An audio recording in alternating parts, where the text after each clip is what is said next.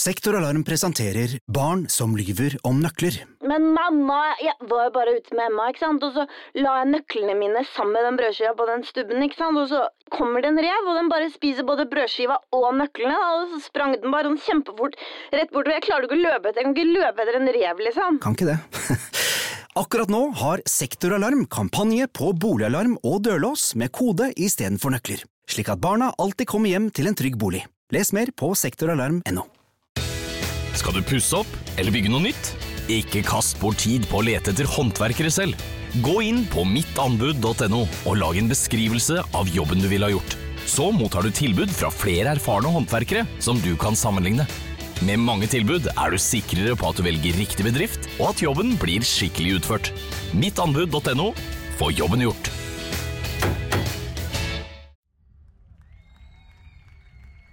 Oh, jeg jeg, syns det gikk eh, fint. Det gikk eh, vi, Altså, Annie tok jo over hele Jeg trodde et øyeblikk at da han kom på scenen og tok mikrofonen gikk fram, som vi ikke hadde avtalt på forhånd, så tenkte jeg nå skal han kjøre standup-show. Tenkte jeg nå er det bare å lene seg tilbake. Det gikk fint, da. Ble Jeg ble helt svett. Men tenk at Eirik Jensen ringte. Helt tilfeldig under showet! Det skulle man ikke tro. Det var helt sjukt. okay, Ok, men. Hvem er det som kommer nå i del to? Litt mørkere start på del to. Oppdatering på Roger Bullmann. Det er jo egentlig bare trist, hele greia. Og så får vi jo på Aron, og det er jo ganske mørkt det òg, Helge. Ja, Aron Jansen, nabovarsleren som reiser rundt i nabolag i Norge og forteller naboene at de har en dømt pedofil boende ved siden av seg. Og hvem er det som kommer helt til slutt? Det er selvfølgelig Jannik, som vi har venta på. Men han har jo med seg eh, en til, og det er Arild Holden. Tidligere stjerneadvokat Arild Holden. Ja, tidligere jobbet i politiet, tidligere statsadvokat, eh, stjerneadvokat for Ellen. For han var jo til stede på det første møtet som Jannik hadde med Røkke, og han har lovet oss å komme med litt opplysninger som kanskje ikke har vært kjent tidligere. Det blir spennende. Det blir spennende. Nå er det bare ti sekunder til vi starter. Er dere klare? Du hadde jo ikke strøket skjorta di i første avdeling. Nei, kunne du se det? det rukket den nå i andre avdeling. Ok, jeg skal stikke og gjøre det nå, og så ses vi rett bak scenen. Ok, en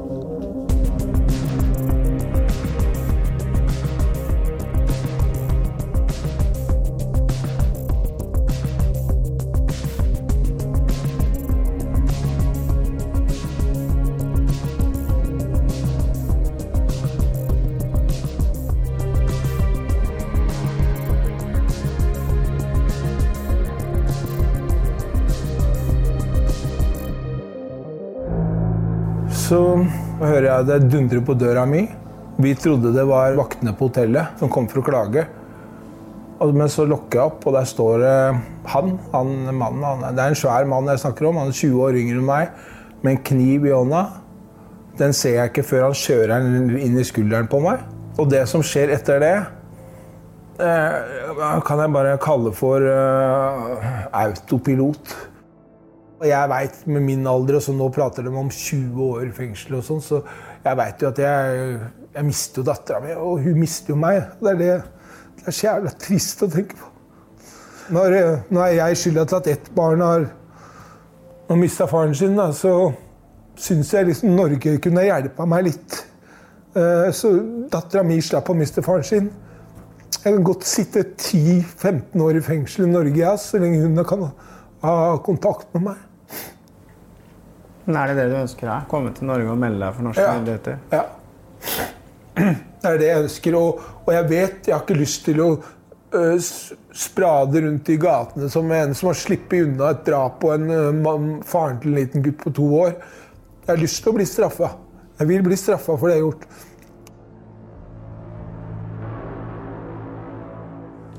Ja. Det var Roger Bullmann, som er faktisk eh, en av de Kanskje den mest populære serien vi har eh, lagd. I hvert fall hvis man ser på den responsen vi har fått. Fordi det spørsmålet vi får eh, oftest inn til Facebook-sida vår, det er hvordan går det med Roger Bullmann? Og nå er det jo en god stund siden vi lagde nye episoder om Roger Bullmann. Det er to år siden han han, eh, det, det hendelsen som vi fikk høre om her skjedde, og han uh, har vært på flukt i over to år, etterlyst av Interpol i Asia. Hvordan går det med Roger Bullmann? Ja, hvordan, Det går ikke så bra. Det gjør ikke det. Uh, Jeg hadde kontakt med han for uh, fire-fem uker siden, kanskje. Og det var bare skriftlig, fordi han orka rett og slett ikke å snakke med meg. Så det var bare sånne korte meldinger.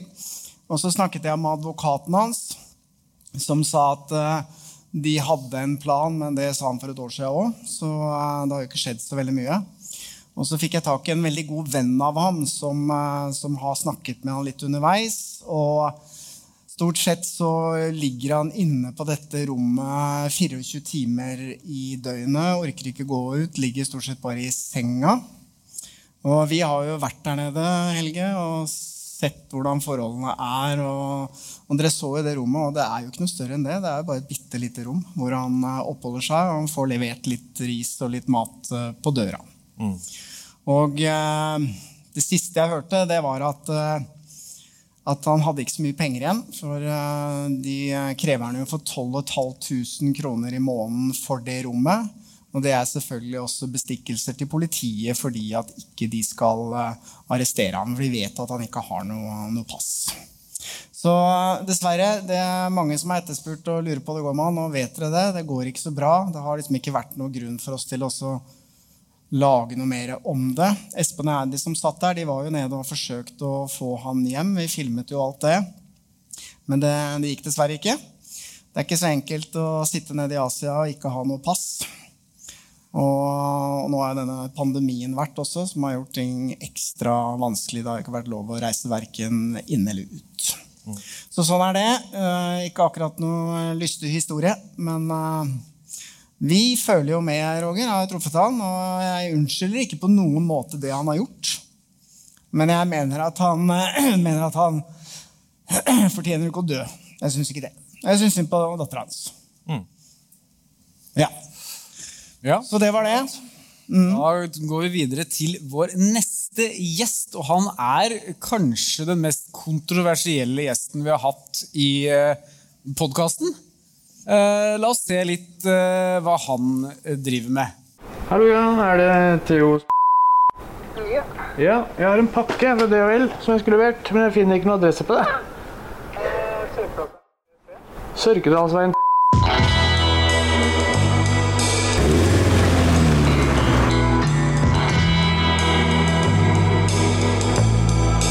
Men eh, står navnet på postkassa, eller?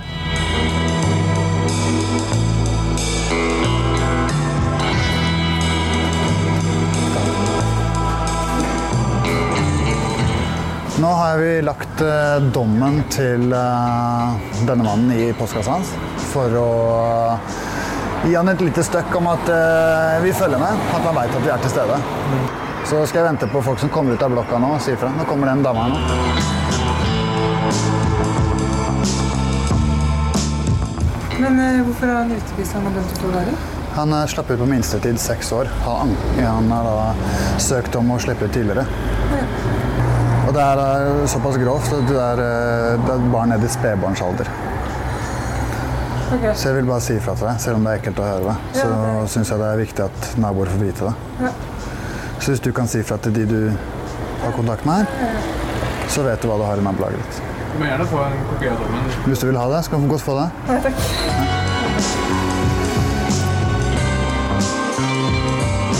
Og den mannen her bor jo da rett ved siden av skole, kino, T-banen. Altså, her, kryr det av unger. Og ifølge prøveløslatelsesvilkårene hans så skal han ikke oppholde seg i nærheten av barn som er under 16 år. Du skal spørre om en ting. Har du sett en mann her før? Nei, jeg Nei. ikke det. Nei. Han bor i blokka di. Ja. Nei, jeg kjenner ikke igjen. En pedofil mann. Han fikk ni års forvaring. Slapp ut på minstetid seks år. Så hvis du har barn eller noen ting, så vil de bare advare. Nei. Det er godt å vite, ikke sant? Takk. Bare hyggelig.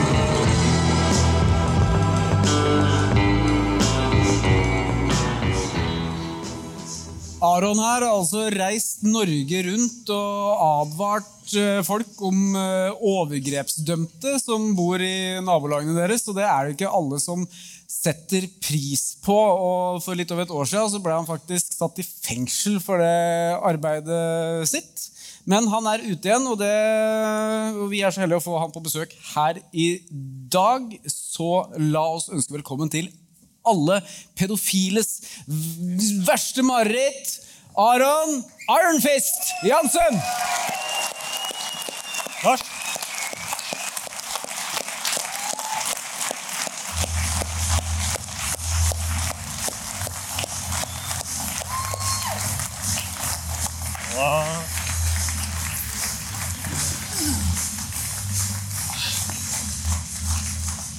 Ja, Aron, det blir ikke mørkere enn det her. Nei. Nei. Dette er mørkt. Og det har du bestemt deg for å jobbe med? Eh, ja, det har jeg. Ja, hvor, hvor, Hvordan er det, da? Nei, eh, hvis ikke jeg gjorde det, hvem andre ville gjort det, tenkte jeg. Eh, det starta med at en venninne av meg sin, eh, sin sønn på fem år blei misbrukt av, eh, av en ny stefar. Og da eh, begynte liksom eh, ting å rulle. Og så fikk jeg innblikk i hvordan dette her var. Og så bestemte jeg meg for å samle inn dommer på de verste jeg fant. Og reise rundt i nabolag og eksponere dem. Samt at jeg gjorde det også på Instagram, så hele Norge fikk jo med seg dette. Eller også på Snapchat. Ja. Ja, for det var et prosjekt som heter Nabovarsel. Vi har jo sett litt nå uh, hva det går ut på, men kanskje du kan fortelle litt mer om hvordan du jobber? Eh, ja, altså nå så dere egentlig bare en liten bit. Eh, jeg dukker også opp i rettssaker som støtte til de berørte. Jeg hjelper til så saker blir anmeldt. Eh, for det er mange som ikke tør å anmelde. Eh, og de tar kontakt med meg, og så tar jeg kontakt med advokaten min. Og så tar vi det derfra. Det er den, eh, det er den biten som dere ikke ser. Er Ok, Så du, du reiser ut i nabolagene og rett og slett bare forteller alle naboene om hvem som bor i nabolaget, for å advare for at de skal passe ekstra godt på barna sine. Det er liksom tanken din. Helt riktig. Jeg syns at alle fortjener å vite hvem eh, naboen sin er. Eh, alle småbarnsforeldre trenger å være obs på hvem den pedofile naboen sin er. Fordi de skal ikke gå usett, mener jeg. Men Og det står jeg for. Hvordan reagerer naboer flest da? På, på sånn budskap? De fleste er jo altså, jeg, har, jeg har ikke møtt noen som har flydd på meg, eller noen som har snakka negativt eller uh, vært stygge mot meg. Det har jeg ikke. Uh, jeg har kanskje hatt et par opplevelser hvor noen har eh, vært skikkelig dårlig i humør og bare 'Jeg vil ikke snakke med deg, fader! Flytt deg!' Det, det er det eneste. Men ikke noe Nei. Men Aron, vi, eh, vi bor jo i et samfunn hvor vi har lover og regler, og det er jo på mange måter politi og domstol og kriminalomsorgen som skal ta hånd om disse tingene og sørge for at vi er trygge. Hva, hva er liksom grunnen til at du tenker at du som privatperson skal gå inn og ta en sånn rolle istedenfor eh, myndighetene? Eh, Jeg mener at myndighetene gjør altfor dårlig jobb. Da har vi jo eh, den saken som har vært nå oppe i Tromsø. Har du fått med dere den? Med han eh, som reiste ned til Ukraina, og så voldtok han en eh, ukrainsk dame etterpå? Ja. ja. Han er jo siktet for elleve tilfeller av overgrep. Og han har ikke blitt varetektsfengslet i det hele tatt, så han fikk bare stu- sture og gå. Og reiser ned til Ukraina og tar med seg en eh, 17 år gammel ukrainsk jente og voldtar henne her sånn. Hadde det vært varslet om at denne mannen her hadde hatt meldeplikt, for eksempel, da, så kunne jo ikke han ha reist. Da hadde han vært eh, her hele tiden. Og hvis du har siktet for elleve overgrep fra før, så burde du jo sitte varetektsfengsla. Jeg ble varetektsfengsla av å fortelle hvem de her er. Jeg fikk ikke lov å slippe ut engang. Før jeg hadde sona dommen. Du fikk meldeplikt. Jeg fikk Eh, meldeplikt. Vi kan jo se du var på en en sånn nordlandsturné. Og da skjedde dette. Du skal pågripe ja. Eh, Du skal få muligheten til å gi forklaring, selvfølgelig. I forbindelse med det du er sikta for. Men det har i forbindelse med at du er sikta for å ha lagt ting ut eh, på nett i forbindelse med de, de siste døgnene. Ja, ja, det kan ikke være en enkel sak, men det er den beslutningen vi har i fra Ok, så, så, så dette er pågripelse? Ja. Ja, men Det er helt uhørt. Nå skal jeg ringe advokat med en gang.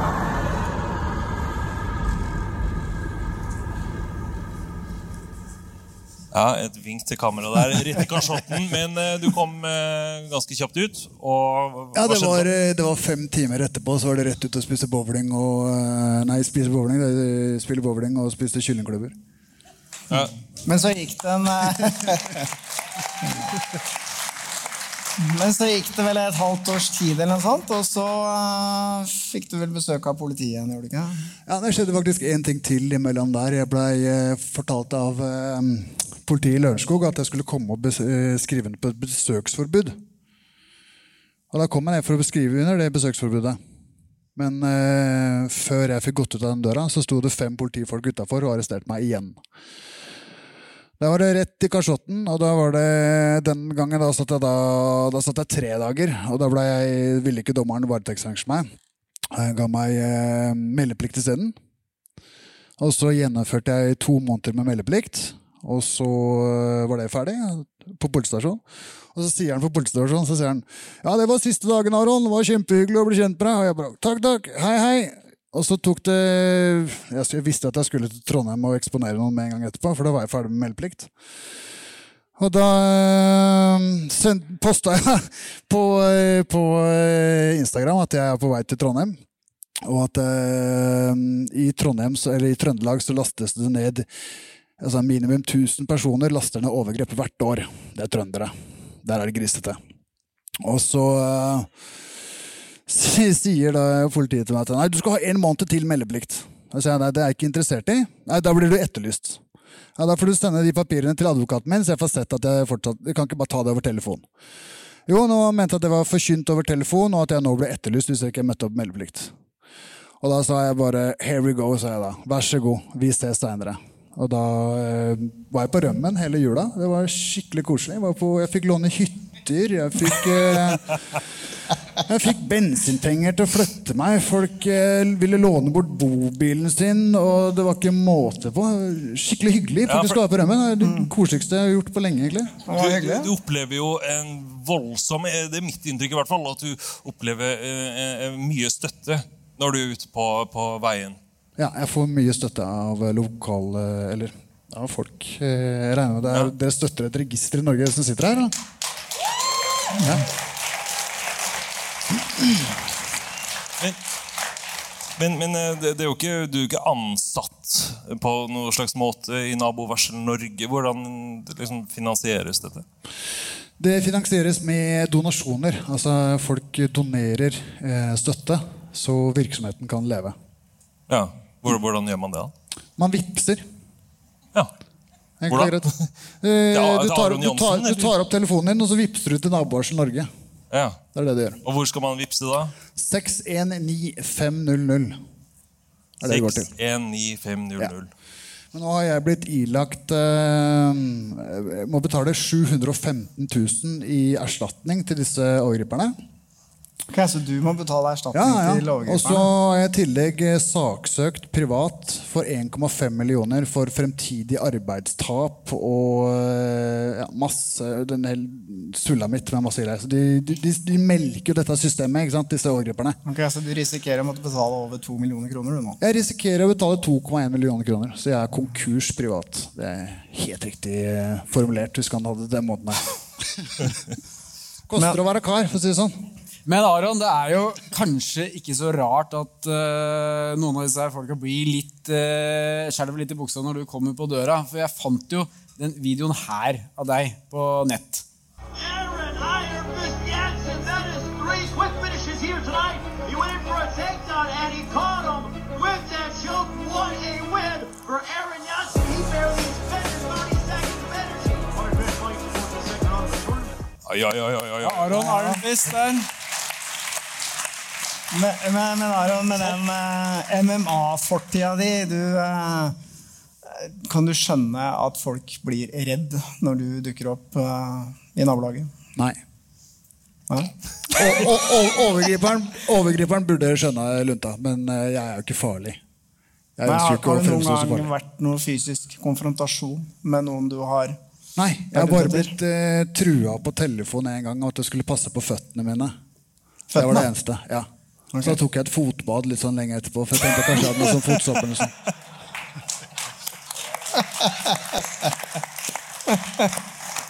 Men eh, du sier jo at du ønsker å få innført et sånt register. Hvordan er det det skal fungere, egentlig?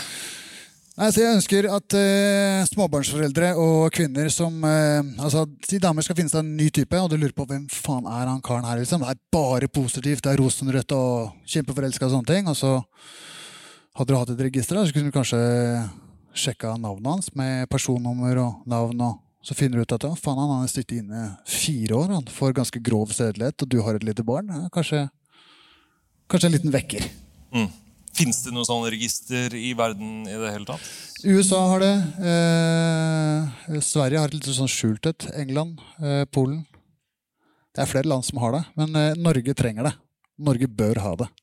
Og da er det egentlig bare å gå inn sånn som jeg mener, at du går inn på da for eksempel si sedelighetsregisteret, du kan kalle det det. da. Og så kan du plotte inn navnet til den eh, som du tror er en overgriper, eller din bedre halvdel. Og så får du opp eh, historikken om han er en dømt overgriper eller ikke.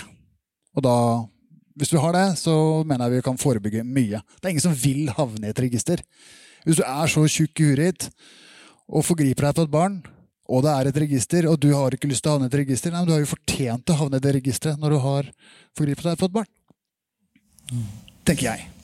Men hvis du skal få til eh, sånne forandringer i Norge, så må man jo eh, jobbe politisk. For det krever jo lovendringer og, Det er helt og så videre. Eh, Hva gjør du, gjør du noe med det? Nå har vi, vi Vi sitter og jobber med vedtekter og hvem som skal sitte i styret i nabovarsel sitt politiske parti. Målet vårt er å samle 5000 stemmer, eh, gjerne flere enn det, så vi kommer inn i bystyret. Så vi får dette her på agendaen. Det er jo flere politiske partier som Da er det bare Frp som har det på selve på partiprogrammet sitt. Og eh, jeg håper flere vil eh, ha det i eh, partiprogrammet. Men det, det er sånn at du kan ikke komme i, i regjering i Norge og så være i mindretall og ha det på partiprogrammet. For da blir det ikke gjennomførtbart. Du må ha et flertall i regjering. Se bare på hva som skjedde med bomringen. Når Frp sier at vi skal fjerne bomringen når vi kommer i, i regjering. Men det skjedde jo ikke. Det er fordi de ikke hadde flertall. Men ser du deg selv som en politiker? Du tidligere MMA-fighter. Jeg håper å eh, kunne få nok stemmer til å bli det. Men jeg ser ikke på meg som noen eh, Jeg er ikke noen statsministerkandidat. Det er. Kanskje en gang. Kanskje utenriksminister? Forsvarsminister. Men det, det er jo ikke bare det at du ønsker dette registeret. Du eh, støtter jo eh, overgripsofre på flere forskjellige måter. Hvordan? Jeg, jeg deltar i rettssaker. Eh, Jeg, eh, ja, jeg, jeg er med dem som støtte.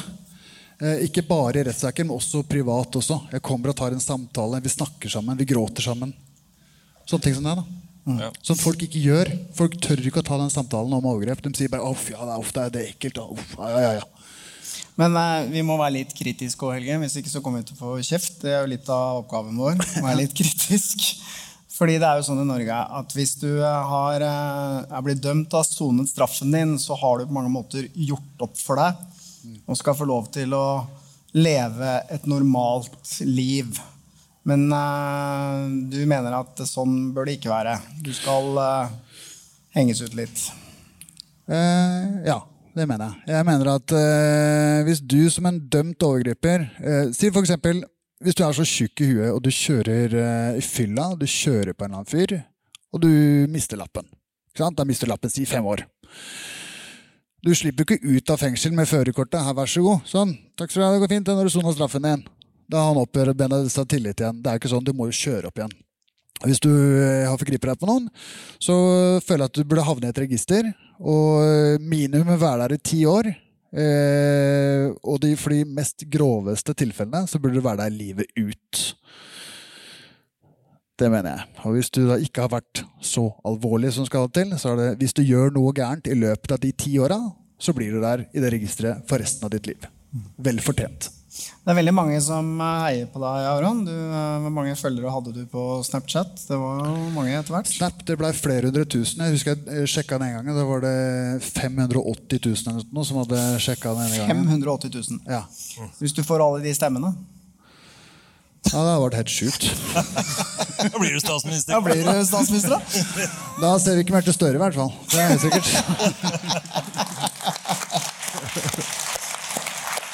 Ok, Da tenker jeg vi skal få inn en uh, annen potensiell eh, statsministerkandidat. Jeg vet ikke. Det er plass til en til i sofaen. Eh, mannen som eh, egentlig ikke trenger noen introduksjon. Han er torpedoen i eh, Torpedoen og milliardæren. Ingen ringere enn Jan Erik Janek Iversen!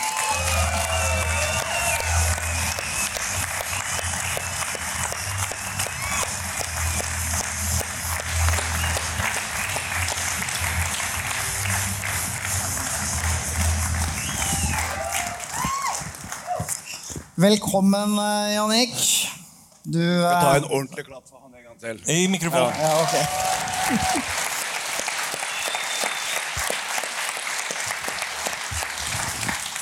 Velkommen. Eh, Før vi snakker om staken din, hva tenker du om det Aron holder på med? Det skulle vært mange flere av det. Det skulle vært mange flere av det. Du må holde den tett inntil. Det er litt... ja, Du syns han gjør en viktig jobb? Ja, for at den... Inntil. Nå har jeg sittet inne, og det er så mye mørketall her av de der fucken jævla pedofilene at eneste måten på å bli kvitt dem, er å kjøre dem ut til, Farsk til Svartskog og gravlegge dem. Ok. Ferdig snakka. Ja.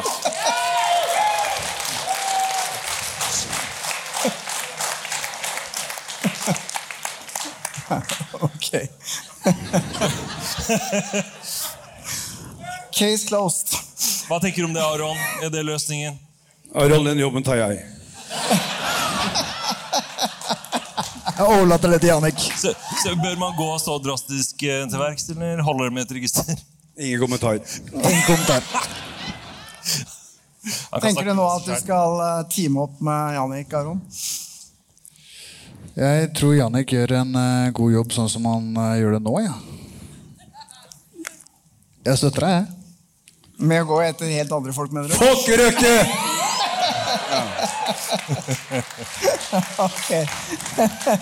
vi, vi skal eh, snakke om eh, saken din, for det har kommet noen nye opplysninger som vi skal dele med dere her i kveld. Det er det første som får vite det her. Uh, ja, det er bare å glede seg. Men uh, husk hva jeg sa til å begynne med. Hvis dere ikke vil høre dette, her, hvis dere vil slippe å dra på lang ferie, så hold for ørene. Aron, tusen takk. Tusen hjertelig takk for at jeg fikk komme.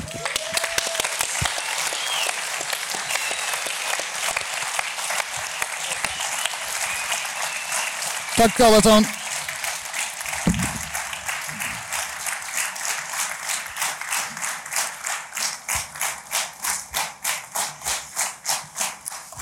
Never ending story. Never ending story. Nå har vi altså laget 12 eller 13 podkaster. 13 snart. 13 blir det nå eh, hvert øyeblikk om eh, saken din, Jannik, og holdt på i et par år nå. I et par år. Jeg har holdt på i seks år. Ja, du har holdt på litt lenger. det, som er, eh, det vi skal begynne med, det er jo at vi har, vi har gjort et intervju med en Det får bli en anonym kilde. Det er vi nødt til å være. Eh, Men det er en mann som har jobbet tett med Røkke i nærmere 25-30 år. Og gjort mye av eh, jobbene for Røkke som kanskje ikke helt tåler dagens lys. Og eh, dette skjedde jo, det han forteller nå, skjedde jo egentlig lenge før du ble kjent med Røkke. Ja. Men det er ting i den historien som vi mener er relevant i forhold til hva du har opplevd. Så jeg tenker vi nå, Lars, kanskje skal bare begynne med å høre. Husk at dette er et to timers opptak, og vi har bare tatt ut et lite utdrag. Resten kommer seinere. Si litt om hva det setupen for eh, Ja, den skal men det snakke som er, eh, er noe her som ikke har fått med seg historien. Nei. Det mer på Er det noen som tror på meg her? Nå snakker vi! Hæ? At det handler om Russland. Ja. Det som er uh, viktig med denne historien, litt sånn bakgrunnen for den, det er at eh, i 1992 så ble Røkke nektet å fortsette å tømme havet utenfor USA for fisk. For da var amerikanerne lei.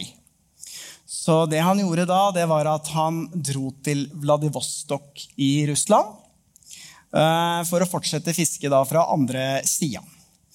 Problemet med Russland i 92, da hadde Sovjetunionen akkurat kollapset, det var at det var stort sett bare mafia og banditter overalt som stjal alt som var av ressurser, og hadde full kontroll på alle naturressurser, annet.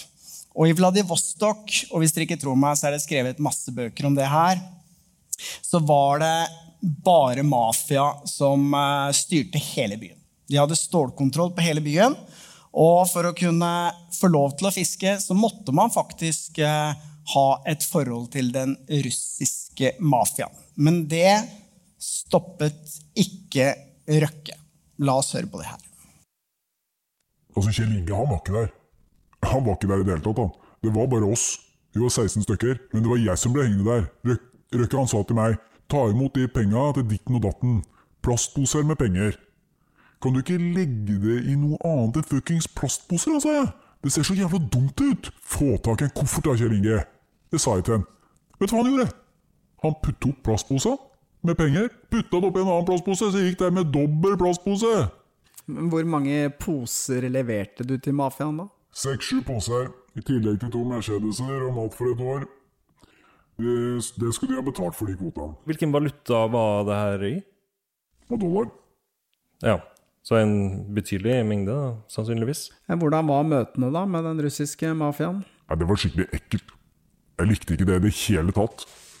Du visste ikke om du skulle bli skutt eller, ikke sant? Men eh, Kjell Inge ringte meg og sa at uh, du må bare være der klokka 11. Husk nå det jeg sa til meg. Nå tror jeg på deg, så nå må du stå for det. Og det gjorde jeg. Kan du huske noen spesielle hendelser fra dine møter med russisk mafia? Ja, de kommer og henter meg, og det er ikke et flir, liksom. Det er ikke noe. Det er bare å sette seg i baksetet og vente til du er framme. Det blir ikke sagt et eneste ord i bilen. Og da jeg, skulle jeg inn til et møte, og jeg hadde med meg pengene, ikke sant, og det visste de. Møtet var for at jeg skulle overlevere kontanter. Så snakka vi litt, for jeg ville ha flere kvoter. Og det var det jeg fikk beskjed om fra Kjell Inge. Prøv å få tak i de kvota vi kan. Så du forhandla direkte med mafiaen? Ja. Jeg visste akkurat hva jeg skulle gjøre med den mafiaen. For Røkke han hadde gått gjennom det med meg og drilla meg noe så jævlig at jeg visste akkurat hva jeg skulle si, og hvilke kvoter vi skulle ha, og hva slags båter. Og det var, eh, det var liksom 15 båter jeg hadde på en liste. da, Jeg skrev ned alt sammen. Jeg gjorde alt. Jeg skal love deg at Kjell Inge Røkke tjente minst 16, sikkert 17 millioner dollar bare på det jeg gjorde. Ja, Jannik. eh, Det, det vi hører her nå, er jo Det høres jo noe kjent ut her med disse plastikkposene. Vi har jo hørt eh, en eh, som har vært innom oss, fortelle om hvordan han var nede på Røkkes kontor og henta plastikkposer, som han da dro hjem til det og, og leverte da Per Orbeland, som, eh, som Ja, det er det slutt på nå, og det er litt trist. Det er ikke mer plastikk med penger. Nei, nå er det Grypo. Nei da. Men, men uh, vi, vi hører nå at uh, ifølge denne personen da, at Røkke var villig til å forhandle og, og jobbe opp imot Røkke har gjort kriminelle handlinger fra han helt siden han fikk hår på kukken. Ja. Ja, og det har bare fortsatt og fortsatt og fortsatt. Helt til han kom tilbake til Norge. Og jeg klarte å skyte han der fokken dumme Tromsdalen litt feil. Så han kom seg inn i oljebusinessen, og nå har han begynt å, å, å ta det derfra. Ja. Så han var Men du skulle jo vært på, du skulle vært på kontoret til eh, Ellen Olgang Andenes som har satt i trusa der og gråt. Det hadde Ja, vært det- et fint syn her oppe, tenker jeg. Vi har ledd Ja. mye av den fortellingen der hvor du og Røkke skal sitte bare i trusa. eh, Og det var kaldt. de var bekymra for at du hadde noe avlyttingsutstyr. eh, Ja, for det det ble det jo Både du og Per ble, ble beskyldt for å ha jobba i tospann for å presse Kjell Inge Røkke for penger. Og blant annet med gjort eh, opptak. Og eh, vi har eh, vel uh, muligens et klipp Ja, vi har jo klipp. Har du noe på lager, Lars? Dette var jo En liten blant de, recap. det var jo blant de, der, de, de lydklippa som Per Orland gikk til VG med, som starta og hele det ballet her. Vi bare henta ut et lite utdrag for å friske opp hukommelsen. Har du snakket med den gale mannen det siste? Han torpedoen? Ja. ja. Han fikk jo betaling av millioner sin her, han, så han er jo fornøyd, han. Jeg som betalte noe, det? Du, jeg bar bæreposer med millioner til Hva snakker du om? Jeg kan ikke. Nei, ikke sant? Jeg husker ingenting. Jeg vet hva du snakker om. Nei, det skjønner jeg godt. Egentlig Kjell, så tenker jeg på de millionene som han torpedoen fikk av deg. Og det, Kjell Inge, det mener jeg Jeg syns jeg faen hakker meg fortjener 100 ganger mer enn han, altså. Jo, men Jeg skjønner det. Per, men Ikke sant? Jeg, tror på en måte at han er i den bransjen han er i. Ja. Så jeg tror på en måte at du har forhåpentligvis et greit noe liv foran deg. Men jeg tror på en måte ikke eh, Han eh, og han og Som man sier, man har en tendens til å kikke til hva er det naboen har fått ut av det. Ja, fordi det var jo sånn at eh, da denne rettssaken mot deg kom opp, da du ble tiltalt for utpressing av Røkke, så ønsket jo advokatene dine å legge fram disse lydbåndopptakene for å støtte den historien du fortalte. Mm. Men eh, det nektet jo retten. Fikk jo faktisk ikke lov å legge fram det. For de ønsket jo bare å avgrense den saken til tre måneder. Riktig. Hva tenker du om det? Nei, Jeg bare tenker på at alt er makt og pengene rår. og Sånn er det jo. Når du driver i, i, i, den, det jeg holder på med i risikosport, så får du juling av og til. Men den julinga her skal jeg ikke ha.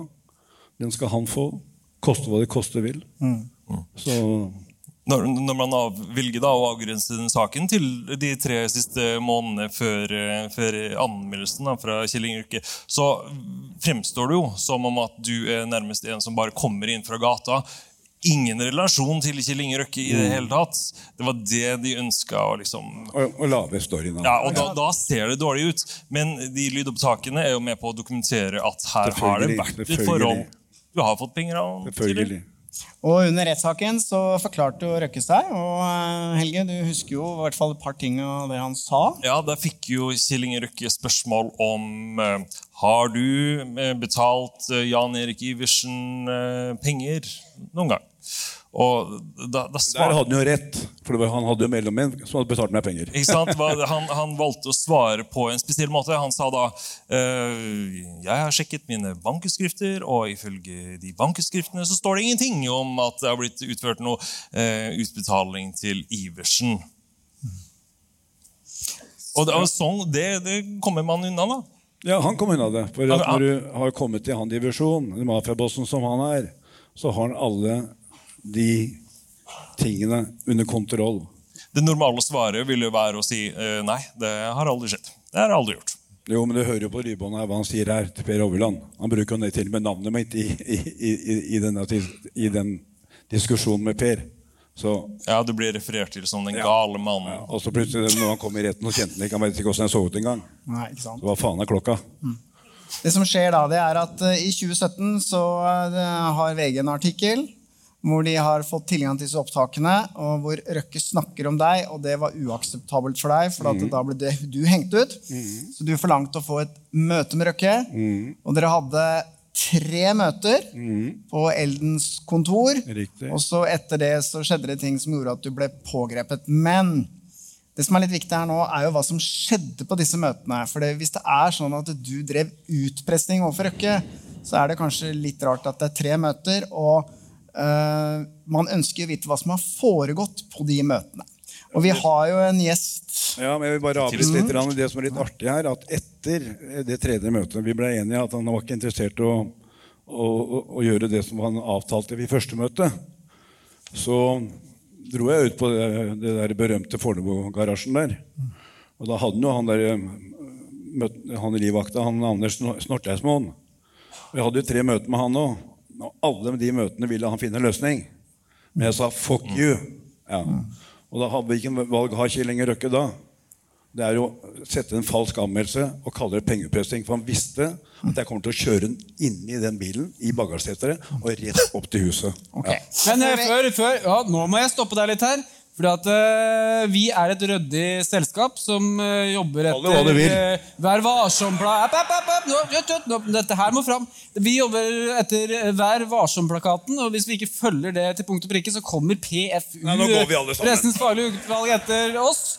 Og det er noe som heter samtidig imøtegåelse. Så hvis man fremlegger en grov påstand i f.eks. en podkast, så er man nødt til å innhente tilsvar uh, umiddelbart. Og ikke vente til neste podkast, f.eks. Det må komme umiddelbart etter at påstanden er fremlagt. Og når det kommer sånne grove påstander som uh, i lille, det lille klippet som vi viste her uh, med denne hemmelige kilden, som vi har måttet endre stemmen til, som påstår disse tingene om Kjell Inge Røkke og hans møte med mafiaen der borte, så eh, er vi nødt til å sende inn eh, noen spørsmål til, til Aker. Og da sendte vi noen spørsmål til eh, kommunikasjonsdirektør i Aker, Atle Kigen. Ja, det gjorde vi, for vi er jo litt opptatt av det her.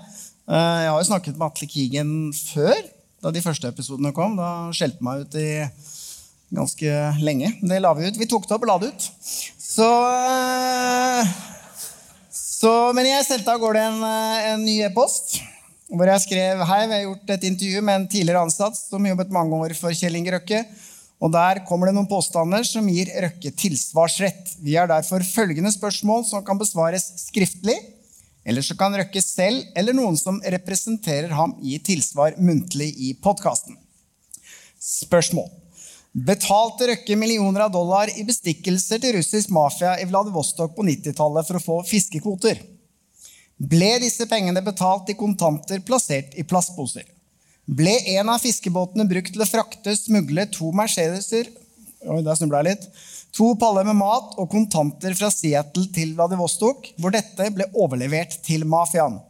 Og siste spørsmålet. Visste Røkke at det var mafiaen som tok imot pengene, bilene og maten, og at hans representant i Vladivostok mottok trusler? Tilsvarsfristen er fredag 1.4.22 klokken 12, og han fikk altså én uke på seg til å svare. Og, på tirsdagen Sendte en melding. så sendte jeg en SMS til Atle Kigen og spurte om han hadde fått mailen. Og vi har ikke fått noe svar, verken på e-posten eller på SMS. Og nå sitter dere sikkert og tenkte at det var alt vi hadde å komme med. ikke sant? Men nei da. Nei da, nei da, nei da. Fordi vi har en gjest til. En person som var til stede på det første møtet med Røkke. Og som du hadde en del kontakt med i den perioden hvor du ble anklaget for å presse ut Røkke. Så mine damer og herrer, la oss ønske Er han klar? Kommer nå. Hjertelig velkommen til Arild Holm!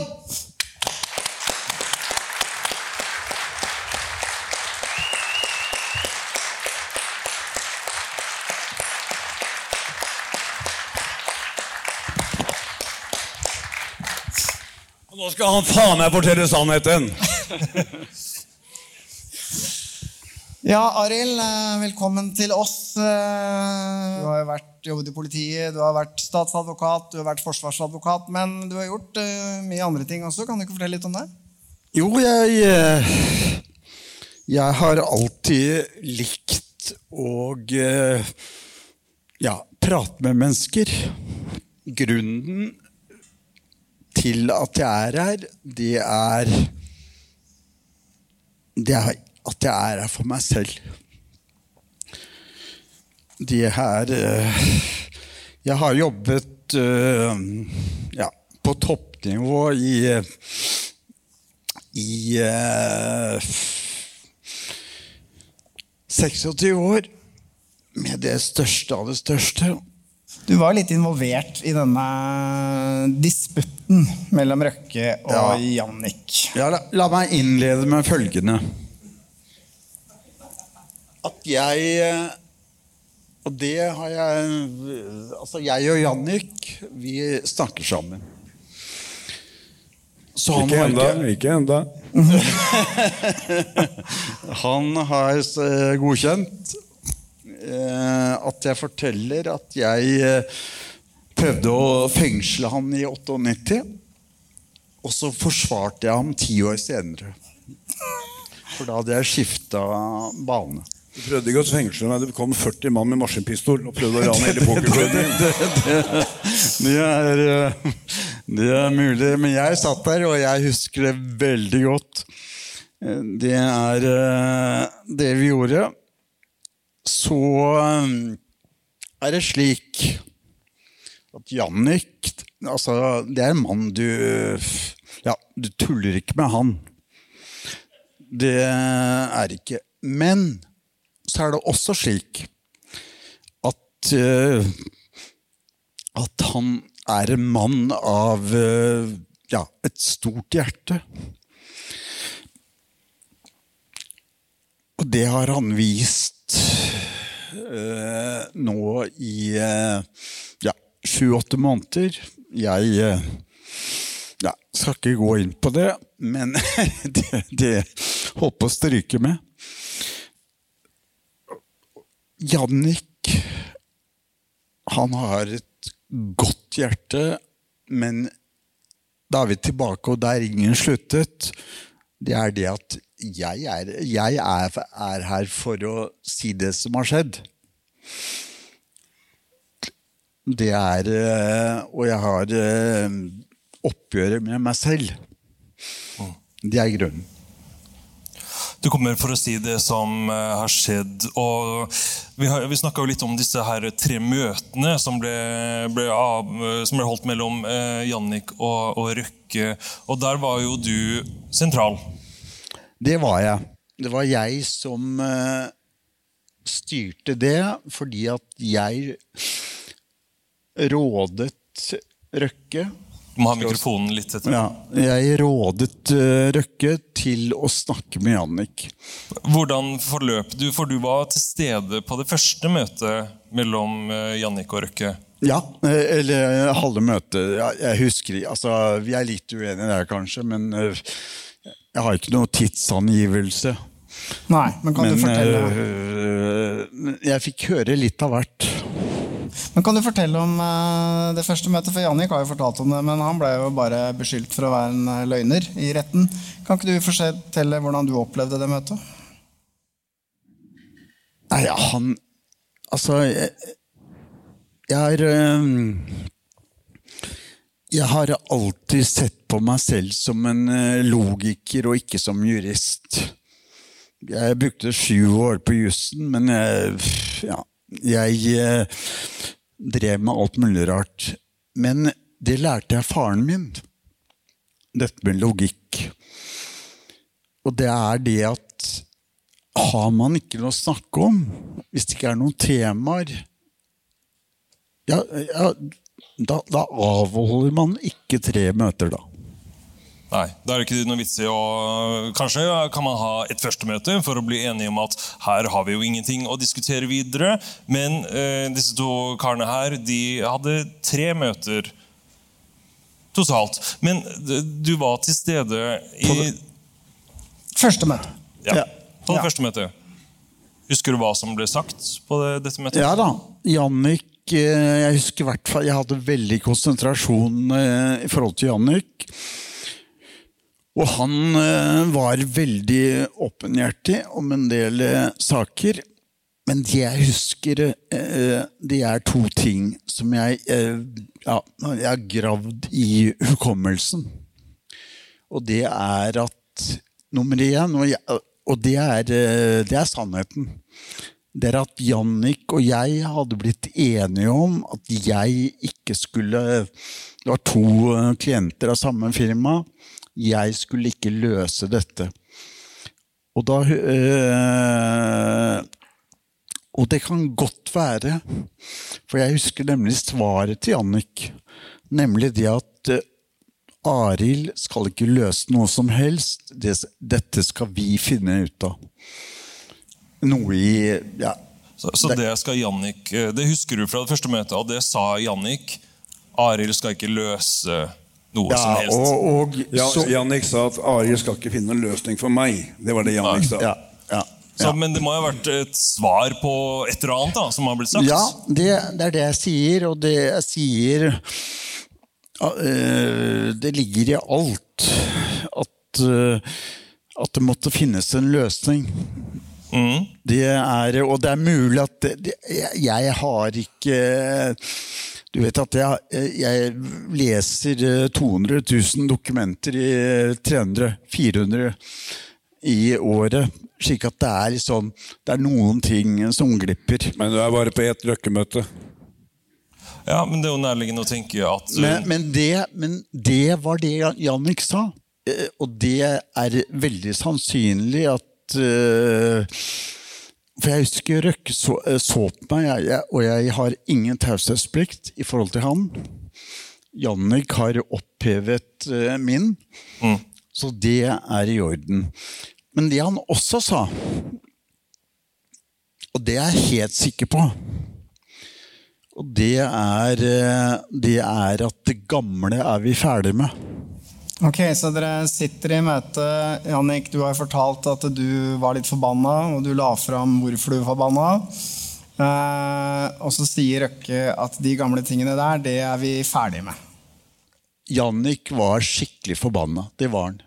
Det, han, var- han var på mitt kontor, og han eh, Men jeg, eh, altså jeg er rolig av natur, og jeg vet at han ja, Ikke noen problemer.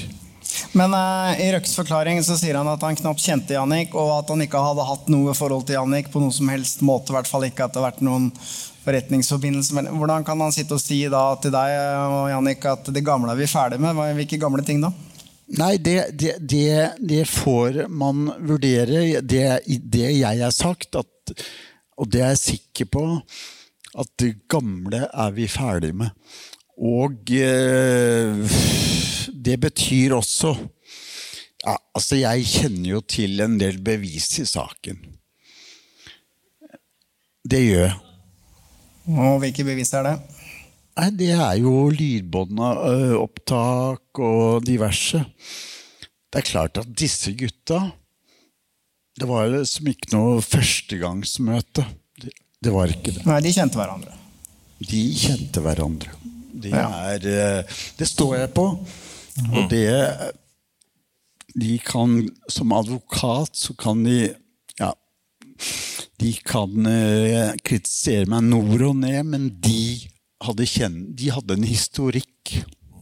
På det tidspunktet her så var jo du eh, ikke sant, Du jobba i Elden, du er partner med Elden. Eh, Elden var advokaten til Røkke, og du bisto Jannik. Og du har kjent Jannik i mange, mange år. Er Jannik eh, typen til å presse noen for penger på den måten som det har blitt eh, presentert i retten? Jeg kan bare innestå for Og jeg har kjent Jannik veldig lenge. Og jeg kan innestå for at han Jeg har tatt han eh, Og jeg har hatt med mye ja, tiltalte og siktede å gjøre. Da. Det er noen tusen. Jeg har ikke tatt han i én usannhet. Nei, Han har aldri løyet, som, så vidt du vet. Nei, ikke for meg. Nei. Det er eh,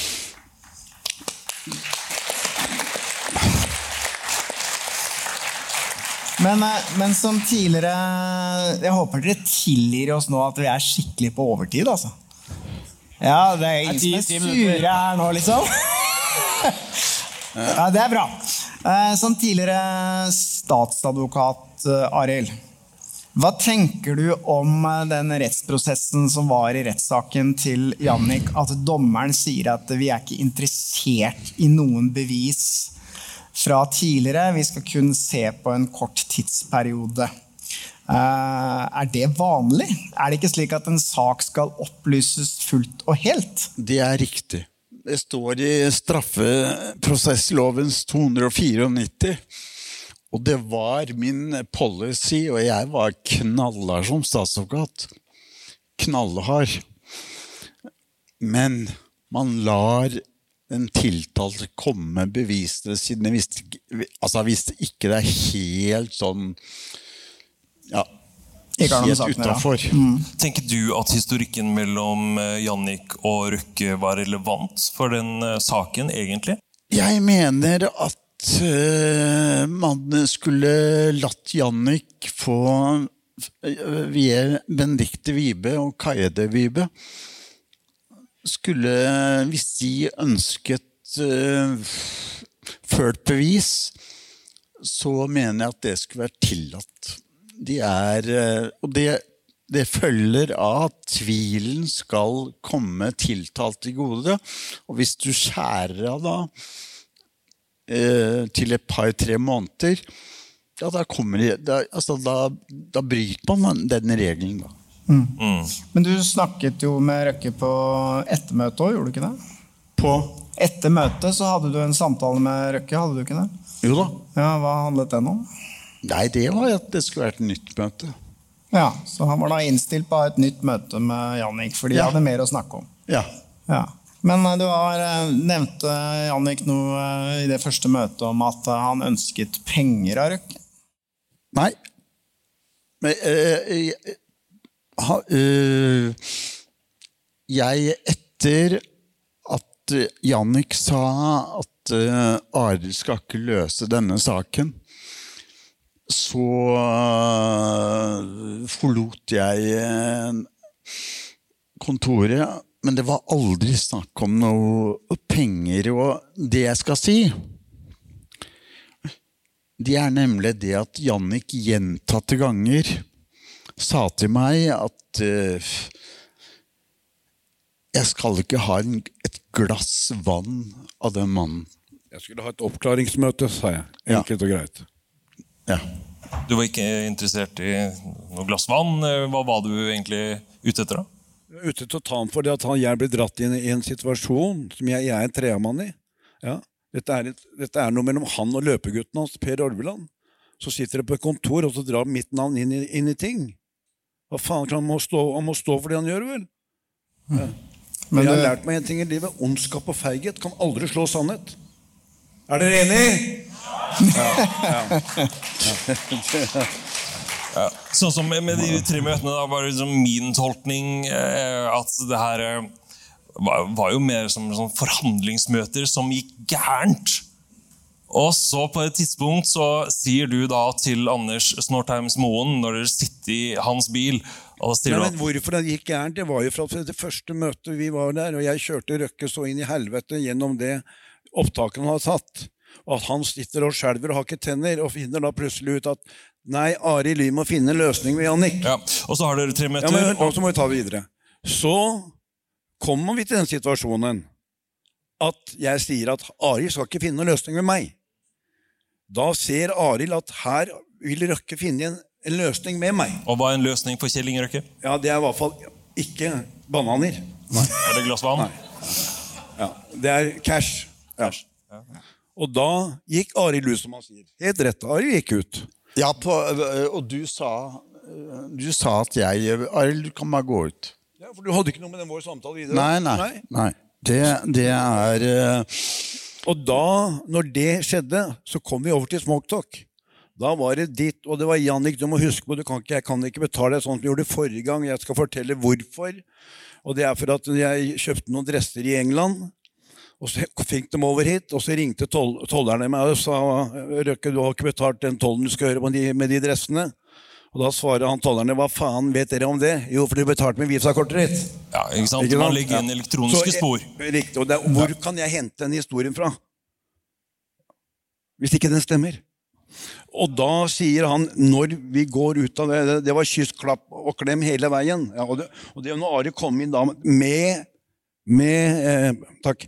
Med eh, telefonene. Alt skulle jo ut på, ut på gangen, som du vet. Telefoner Ja, og alt- alt, alt ble lagt fra ut. bordet. Ja. Alt, ikke noe skulle høres, var bare oss tre. Ikke noe opptak. Ingenting. Ingenting. Og når vi da eh, kom inn tilbake der da, så var det at vi skulle lage et nytt møte om ti dager. Ja. Ja. Og når han kommer tilbake da, neste møte, Da sitter jeg ute i foyeren der, og da ser jeg Røkke kommer. Jeg ser ut som han nesten sånn har fått en hammer i huet. Og tenkte jeg, det er den dagen i dag, ja, aksjen ryker. Ikke sant? Og setter meg inn, og så drar han fram det der A4-arket og den der pennen, som jeg ser er sånn opptakspenn. Jeg tenkte, fy faen, din jævel, hva skal du prøve deg på nå? Og så sitter jeg bare og venter på det første spørsmålet han skal stille meg.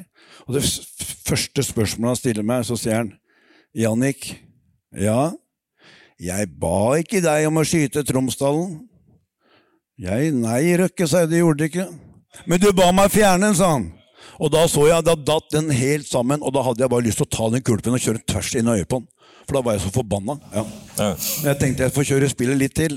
Og spillet ble jo at jeg ble bura inn.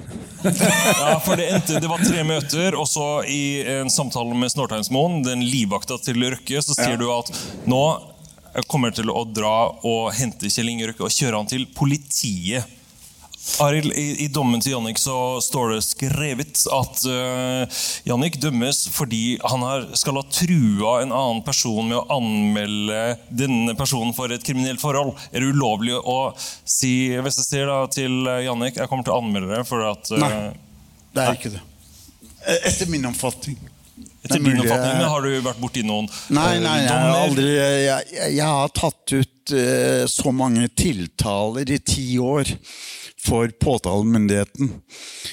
Aldri tiltalt noen for eh, å true med at jeg kommer til å anmelde deg. Det er jo vanlig, det. Det er, det er jo helt eh, Ja, helt vanlig. Ok, vi er skikkelig på overtid. Uh, et uh, aller siste spørsmål, så må vi wrap it up. Uh, tror du Jannik har noen sjanse til å få saken sin gjenopptatt? Det kan godt hende. Bra. Ok! Yeah. Alright. Tusen takk for at dere kom. Vi får alle opp på scenen. Men dere veit ordet av det, så er vi tilbake med et eh, nytt show. Allerede, allerede. Oi, oi, oi, oi. 22. juni, da er det True Crime Festival her på Rockefeller og John D. Da får du Krimpodden, True Crime-podden, Sekkpodden og selvfølgelig Avhørt er headline på den festivalen. Jeg håper selvfølgelig dere er vi ser det. Og det kommer nye podkaster snart. Dere får høre mer fra det intervjuet med den hemmelige kilden. Dere får høre mer med Arild Holden. Ja. Det er eh, masse spennende i vente. Og hvis noen vil ta selfies med Jannik, så stiller vel han sikkert opp. Alle dager i uka, Jannik. Takk for at dere kom. Ok, Vårt tredje liveshow er uh, i boks. Uh, uh, er dere klare for det fjerde? hæ? Om to måneder, eh, sånn, ja, to og en halv måned er det kanskje, 22. juni, da skal vi tilbake på scenen. Sammen med masse andre podkaster på True Crime-festivalen her på Rockefeller. Nei, nei, vi er ikke det. Eh, ja, det, det går Vi er jeg bare i hvert fall øverst på plakaten. Da er vi headline. Vi har ingen gjester klare enda, så, men jeg, jeg, jeg tror det er noen her som har veldig lyst til å stå på scenen igjen, så vi får bare spørre. Nei, men vi skal levere, og vi leverte. Det var veldig gøy i dag, altså. Det var kjempebra publikum. Er masse respons, skikkelig høy stemning. Og jeg var ute en tur der i pausen, og det var jo selfie eh, Hva skal jeg si for noe? Selfie herfra til eh, Alle dager i uka, Alle dager i uka. Så det er ikke noe tvil om at eh, det her var en suksess. da. Det var veldig gøy, da. Det var en som forsøkte å ta selfie med meg òg, og jeg stilte opp og sto der og smilte og greier. Men så var det en kompisen som ikke klarte å ta bilde. Det var et eller annet sånn her eh, rart greier med kamera, og da ga han bare opp. Han, han, han vil ikke prøve en gang til. Men det kanskje aller kuleste er når det kommer folk til meg og sier at jeg har reist helt fra Bodø for å se det showet her. Altså, vi hadde ei jente fra Sør-Korea som, som ikke forsto et ord norsk, men som satt der til slutt med avhørt cap og tok bilde sammen med Jannik. Det, Nydelig. Men ok, det neste nå som skjer, er altså True Crime-festivalen på Rockefeller 22. juni. Der skal vi. Der skal Krimpodden, Sektpodden, True Crime-podden og noen jeg flere. tror det blir, jeg tror det blir annonsert flere podkaster uh, senere som kommer. Uh, vi går på scenen helt til slutt, klokka 21.30 på hovedscenen på Rockefeller. Så til dere som bare vil høre avhørt, så vet dere når det skjer. Men billetter er i hvert fall ute nå. Og vi kan love at det nok en gang blir et forrykende show. Ja, Billetter kan kjøpes på ticketmaster.no. Ok, takk for i kveld. Nå skal jeg hjem og legge meg. Ha det riktig bra!